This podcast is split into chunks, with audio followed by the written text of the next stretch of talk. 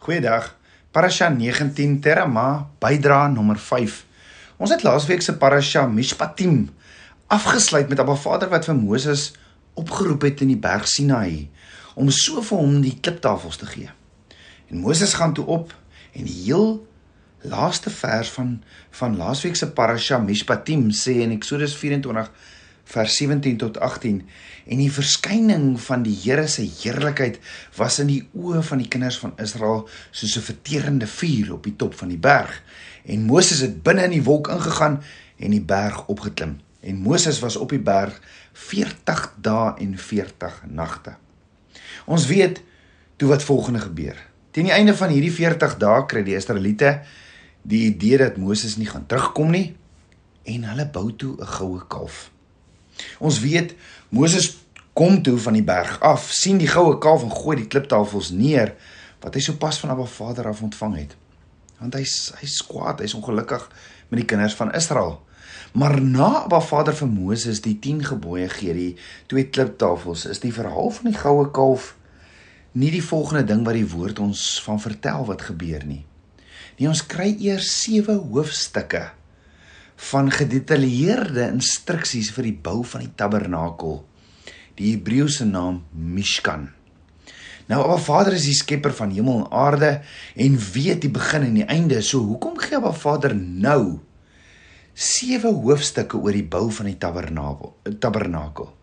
Dit is amper asof die bou van die tabernakel die vloei van die storie onderbreek want die tabernakel word ook nie dadelik gebou nie sou die ideale tyd vir die instruksies van hoe om die tabernakel te bou nie dalk beter gewees het na die sondes van die goue kalf net voor die tabernakel werklik begin gebou word nie. Maar tog gee Abba Vader nou vir Moses die instruksies van die bou van die tabernakel nog lank voor hulle aan die tabernakel begin bou het. Hoekom? Of is daar dalk 'n dieper betekenis in die bou van die tabernakel? Buiten dat alles in die tabernakel oor Yeshua gaan en rigtingwysers is wat na Yeshua toe toon. Abba Vader se verlossingsplan. Dalk leer Abba Vader ons meer oor die doel van die tabernakel. Om te verstaan, kom ons kyk net gou-gou weer eens wat gebeur alles in hierdie week se parasha gedeelte. Die week se parasha begin met Abba Vader wat vir die kinders van Israel sê om skenkings te bring om die tabernakel te bou sodat Abba Vader daarin kan woon saam met hulle God met ons God met hulle. Moses skryf dan besonderhede oor die konstruksie van die tabernakel maar heel eerste kry hy 'n instruksie oor die bou van die ark die verbondsark. Dan die tafel van toonbrode die menorah. Dan kom besonderhede oor die struktuur van die tabernakel self gevolg deur instruksies vir die altaar in die voorhof Let wel, niks word nou genoem oor die waskom nie. En ek wonder hoekom nie. Met ander woorde, Moses is bo op Berg Sinai. En voordat hy neerdal kry, kry hy die kliptafels. Maar onthou hy is 40 dae 960 uur op die berg voordat Abba Vader die kliptafels aan hom gegee het. Of voordat hy afgebeweeg het met die kliptafels. Omdat Abba Vader het vir Moses die berg opgeroep en Abba Vader sê pertinent vir Moses in Eksodus 24 vers 12 klim op die berg na my toe en vertoef daar dat ek jou die kliptafels kan gee en die wet en gebooie wat ek geskryf het om hulle te onderrig om die kinders van Israel te onderrig. So Abba Vader sê vir Moses wat gaan gebeur nog voordat dit gebeur. Hy sê wat gaan gebeur nog voordat dit gebeur. En as gevolg daarvan neem ons aan dis al wat daar bo op die berg gebeur het. Dis asof ons 'n gedeelte mis, is dit nie? En wat as Abba Vader Moses bo op die berg toegevou het met sy teenwoordigheid en hy met Moses 'n baie diepe aangesig tot aangesig ontmoeting gehad het waarvan daar vir ewig getuig sou word. Ewig getuig sou word hoe? En dat Abba Vader dalk verder vir Moses ook die besonderhede oor hoe om die tabernakel te bou met 'n sekere doel gegee het. Met ander woorde, dit is 'n dis 'n baie spesiale oomblik vir Moses. Maar dink daaroor. Moses hoef mos nie op 'n berg Sinaï te wees vir Abba Vader om met hom te praat nie. Inteendeel, Abba Vader is alomteenwoordig. En Abba Vader gee die hele tyd vir Moses instruksies nog voor hy die berg opgeklim het. Met ander woorde is dit moontlik dat die feit dat Moses berg Sinai moet moes uitklim ook dalk ook iets anders meegaan. Dalk gaan alles oor juis dit wat Abba Vader vir Moses gee in sy teenwoordigheid. Wat gee Abba Vader vir Moses in sy teenwoordigheid bo op die berg? Abba Vader gee vir Moses die kliptafels, die huwelikskontrak, die ketuba in Hebreëus. Dit is die huwelikskontrak tussen die kinders van Israel en 'n lewende God. So waarom laat Abba Vader Moses nie nou net die oomblik waardeer en gee dan nie instruksies oor die bou van die tabernakel later vir Moses wanneer Moses gereed is om te begin bou nie? Waarom moet hierdie geestelike ervaring, hierdie gedetailleerde moeilike instruksies oor die bou van die tabernakel nou ingesluit wees? Dit is moeilik om hierdie vraag te beantwoord sonder om regtig te verstaan wat die doel van die tabernakel was. Ek meen, waarom 'n tabernakel bou? Om te verstaan, kom ons kyk na 'n paar besonderhede oor die konstruksie van die tabernakel in hierdie week se gedeelte of parasha dalk net in die teenwoor in, in die patroon van hoe Abba Vader die instruksies gee oor die bou van die tabernakel, kan ons dalk 'n verdere doel oor die tabernakel ook begin verstaan. Kom ons begin by die begin. So dink daaroor. As jy die instruksies oor die bou van die tabernakel vir Moses moes gegee het, waarmee sou jy begin het? Sou jy nie dalk met die doel of betekenis agter die tabernakel se instruksies begin het nie? En as jy die tabernakel sou gebou het, sou jy nie net, met die struktuurgedeelte van die tabernakel begin het nie. Dit maak sin want jy bou mos eers die huis en dan beplan jy die meubels, is dit nie? Want ons sien later in die gedeelte van Parasha Vayakael is die tabernakel wel so gebou. Maar nou toe toe Abba Vader die eerste keer hierdie instruksies vir Moses gee, In hierdie week se gedeelte is dit nie die volgorde wat Abba Vader kies nie. Nee, Abba Vader begin met die instrumente. Abba Vader begin met die verbondsark. Een van die sewe instrumente in die tabernakel. En ons het gister gesien al sewe hierdie inst instrumente is spesifiek op elke een se posisie en as jy van bo af sou kyk en lê dit in die vorm van 'n kruis. Maar Abba Vader begin hierdie week oor die verbonds oor die tabernakel te praat, dan praat hy begin hy met die verbondsark. Een van die sewe instrumente in die tabernakel wat wat doen? Wat die kliptafels onder andere beskerm. Met ander woorde, waar Vader begin met die instrument wat die kliptafels, die huwelikskontrak beskerm en waar Abba Vader se teenwoordigheid bo op hierdie verbondsark sal wees saam met die kinders van Israel. Dis waar hy met hulle sal ontmoet. Maar dink daaroor. Dit is nogal vreemd. Want waarom bou jy eers 'n kas voordat jy die kamer self bou? Dan hoor gehou. Later wanneer Abba Vader vir Moses sê waarom een van hierdie instrumente onder andere die goue altaar te plaas, sê Abba Vader, hoor wat sê hy? Dat die, dat dit geplaas moet word ge, ge, geplaas moet word voor die gordyn, die veil wat dan sê Abba Vader verder en die detail, hoor die detail wat voor die verbondsark is waarin die kliptafel self geberg is. Ek meen Abba Vader kon net vir Moses gesê het voor die gordyn wat die heilige van die allerheiligste geskei het. Maar in plaas daarvan sê Abba Vader voor die gordyn wat oor die verbondsark is waarin die kliptafels geberg is. Met ander woorde dit lyk vir my asof alles gaan oor die kliptafels. Die huwelikskontrak en die verbondsark. Dan is daar egter nog een interessante ding. Kyk na die naam of die noem van die tabernakel self. Daar word gereeld na die tabernakel verwys as die tent van ontmoet ontmoeting of tent van samekoms. In Hebreëus sê dit Ohel Moed En dit is presies waar Abba Vader met Moses en die Kohanim, die priesters ontmoet het. Abba Vader sê in Eksodus 25 vers 22 en daar sal ek saam met jou saamkom en van die versoeningsdeksel af tussen die geribs uit wat op die ark van die getuienis is sal ek jou alles sê wat ek jou vir die kinders van Israel sal beveel. Met ander woorde, dit is nie net sommige enige plek in die tabernakel waar Abba Vader met hulle ontmoet het nie. Nee, Abba Vader sê baie pertinent dat hy met hulle wil spreek van bo op die ark tussen die twee geribs op die verbondsark. Dan later staan daar ook in Eksodus 30 vers 6 sit dit dan voor die voorhangsel wat voor die ark van die getuienis is voor die versoeningsdeksel wat oor die getuienis is waar ek met jou sal saamkom. Wat is hierdie getuienis?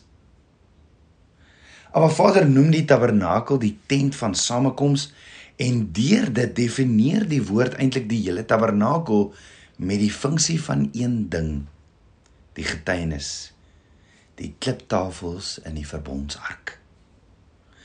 Dwars deur die woord word die kliptafels ook genoem die kliptafels van getuienis. Met ander woorde die kliptafels is die getuienis van Abba Vader se openbaring aan Moses by Berg Sinai. Abba Vader het die kinders van Israel daar ontmoet en hy het daar sy instruksies, sy huwelikskontrak gegee. Dan hoor gou, verbasend genoeg word daar later in Parasha Pekadei ook na die tabernakel verwys as die tabernakel van getuienis.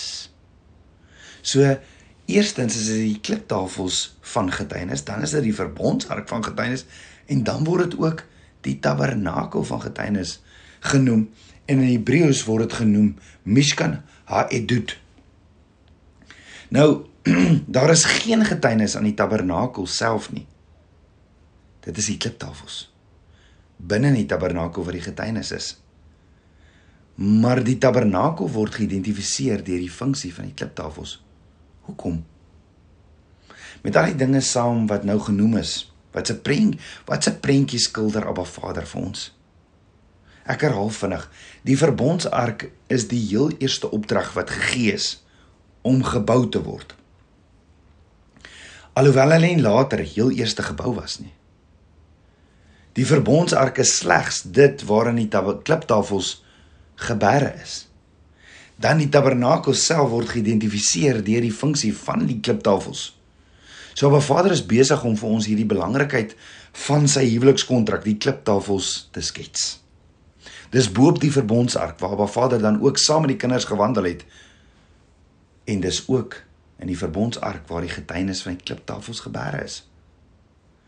So ek dink die verbondsark is die heel eerste opdrag in hierdie week se parasha om juis vir ons die belangrikheid van die kliptafels wat in die verbonds verbondsark geplaas is te toon. Juis omdat alles gaan oor ons verbondsverhouding met Abba Vader. Abba Vader roep ons na 'n verbondsverhouding toe met hom. Hoor gou-gou, die kliptafels is nie net 'n 'n rekord van wette nie. Nee, die kliptafels is Abba Vader se grondwet.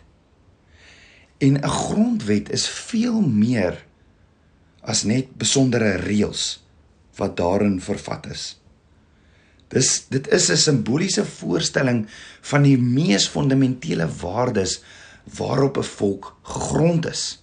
En dit word op 'n sentrale plek gehuisves sodat dit almal gedurig sal herinner wie hulle is en wat hulle glo.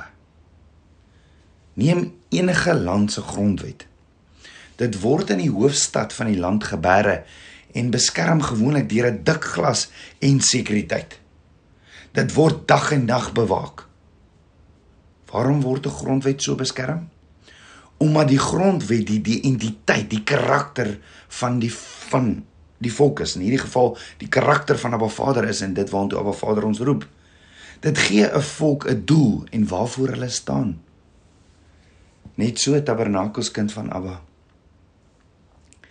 Die kliptafels is Abba Vader se grondwet. Dit bevat die beginsels wat Abba Vader uitgesonder het as die belangrikste waardes waar volgens sy verbondskinders moet leef. Die tabernakel is die manier waarop die beginsels of grondwet gehuisves en beskerm word. Ja, die kliptafels word in 'n goue boks dan ook bedek met twee gerips wat dit dag en nag bewaak. In 'n veel groter struktuur word dit gehuisves naamlik die tabernakel. So ons verneem in die boek Numeri het die tabernakel ook in die middel van die kinders van Israel se kamp is hy opgeslaan. Almal het reg rondom hom gebly, ook in die vorm van 'n kruis. En Abba Vader se verbondsgrondwet word simbolies in die hart van die volk geplaas omdat hy in die middel van al hierdie kinders van Israel staan. Dit is ook 'n voortdurende herinnering om te dien dit dien as 'n 'n voortdurende herinnering aan die kinders van Israel vir, vir vir my en jou ook vir wie hulle is, vir wat ons is en wat dit verteenwoordig.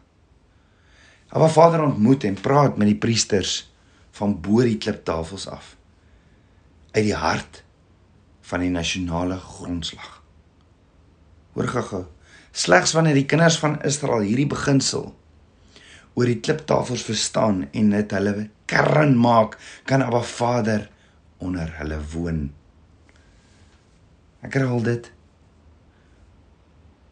Slegs wanneer die kinders van Israel hierdie beginsels oor die kliptafels verstaan en dit hulle kern maak, kan Abba Vader onder hulle woon. Yeshua het kom sterwe juis omdat ons Abba Vader se instruksies nie gehoorsaam nie. Die woord sê Abba Vader is heilig. Heilig in Hebreëus beteken kadosh wat beteken afgesonderd. Van wat is Abba Vader afgesonderd? Van sonde. Wat is sonde? Wanneer ek 'n vader se huwelikskontrak sy instruksies nie gehoorsaam nie. So hoor gou weer. Die kinders van Israel het die beginsels oor die kliptafels verstaan en dit het hulle kern. En as hulle dit hulle kern maak, kan Abba Vader onder hulle woon, want Abba Vader is daar waar daar nie sonde is nie. So dis deur die bloed van die lam. So waarom kry Moses die instruksies oor die tabernakel terwyl hy bo op die berg Sinai is? Omdat Abba Vader vir Moses en vir my en jou wys die kliptafels is nie net kliptafels nie. Dis 'n huwelikskontrak. Dis 'n verbondsverhouding waartoe Abba Vader ons roep om hom te shema. En dan gee hy vir ons die krag roeg om juis dit te kan shema. Daarom is dit ons grondwet. En die manier hoe die kinders van Israel en ek en jy sorg dat dit altyd behoue bly is dat dit altyd die middelpunt sal wees waar waar rondom ons leef. Ek en jy is vandag die tabernakel.